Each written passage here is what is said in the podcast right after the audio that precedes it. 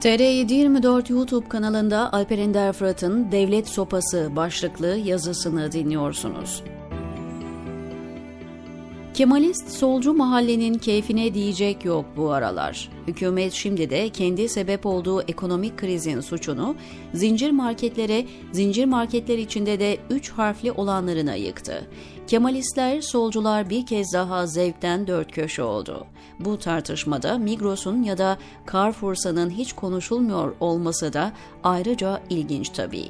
Bu olayı da değerlendirme biçimleri yine oh yesinler birbirlerini şeklinde oldu. Hiçbirinin ağzından kanun, kanuni olma mecburiyeti, hukuk, adalet, suçun şahsiliği, ispat, delil gibi kelimeler yine dökülmedi.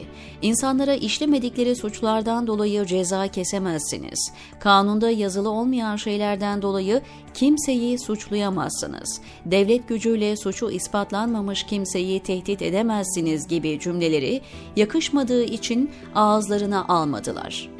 Devletin topunu tüfeğini almış bir güruh BİM, ŞOK, A101'e olmadık tehditler savurdu.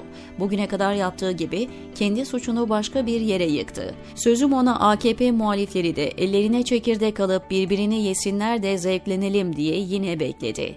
Hani belki bilmek istersiniz diye söyleyeyim burada. Birbirlerini yemiyorlar. Devlet gücünü kullananlar haramilerin malları talan ettiği gibi diğerlerinin malına çöküyor. Ve bu çökmeden sonra sözüm ona muhalifi oldukları parti hem iktisaden hem de siyaseten daha bir yenilmez hale geliyor. Çekirdek yiyerek ve zevklenerek izlediğiniz şey Recep Tayyip Erdoğan'ın her geçen gün biraz daha besili bir güç canavarına dönüşmesinden başka bir şey değil. Bu sefer de öyle olacak birbirlerini yiyip zayıflamayacaklar. Bir tarafın kanunun suç saydığı bir şey yapıp yapmadığına bakmaksızın malları yağmalanırken diğer taraf daha da semirecek, daha korkulan bir şey haline gelecek. Kemalist ve solcu mahalle sorun başka mahallede ise bu irtibat, iltisak işlerine fazlasıyla teşne. Eğer başka bir mahallede kabahat işlenmişse, kabahati işleyenin gelmişi geçmişi, yolda selam verdiği, mahallede yaşadığı herkes bu suçtan yargılanmalı, mallarına el konulup Sibirya'ya sürgün edilmeli kafasını taşıyor. Hatta mahkemelerce yapılacak bir yargılamaya da gerek yok. Onlara göre kanaat yargılaması en şiddetli cezalandırma için yeterli. Bir adam 6 yaşında kızını evlendiriyorsa ruh hastasıdır.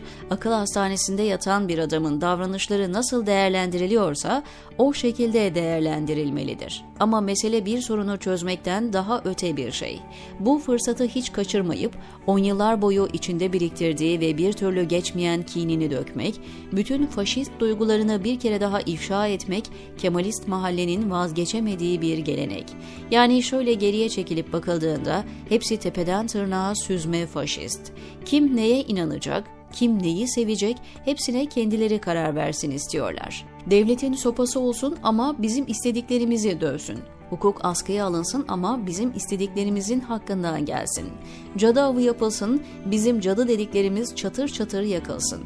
10 yılda 10 milyon genç yarattık her yaştan diye marşlar okuyan ve bundan büyük gurur duyanlar dindar gençlik yetiştireceğiz diyenlere ateş püskürüyor. Falan tarikatta şu kötülük oldu. O halde bütün tarikatler kapatılıp takriri sükun çıkarılmalıyı savunursanız eline güç geçirenler de içki yüzünden şu kadar kötülük ortaya çıkıyor deyip içkiyi yasaklamaya kalkar. Bunların birbirinin ikizi olduğunu asla anlamak istemiyorlar. Tarikatleri savunmuyorum. Aksine bu tarikatlere belki Kemalist mahalleden daha ağır eleştirilerim var. Ama devlet sopasıyla inanç düzenlemesi yapmayı hayal etmek faşizmden başka bir şey değildir. Her faşizm karşıt faşizmi doğurur. AKP ve avanileri yaptıkları her şeyi sizden öğrendi.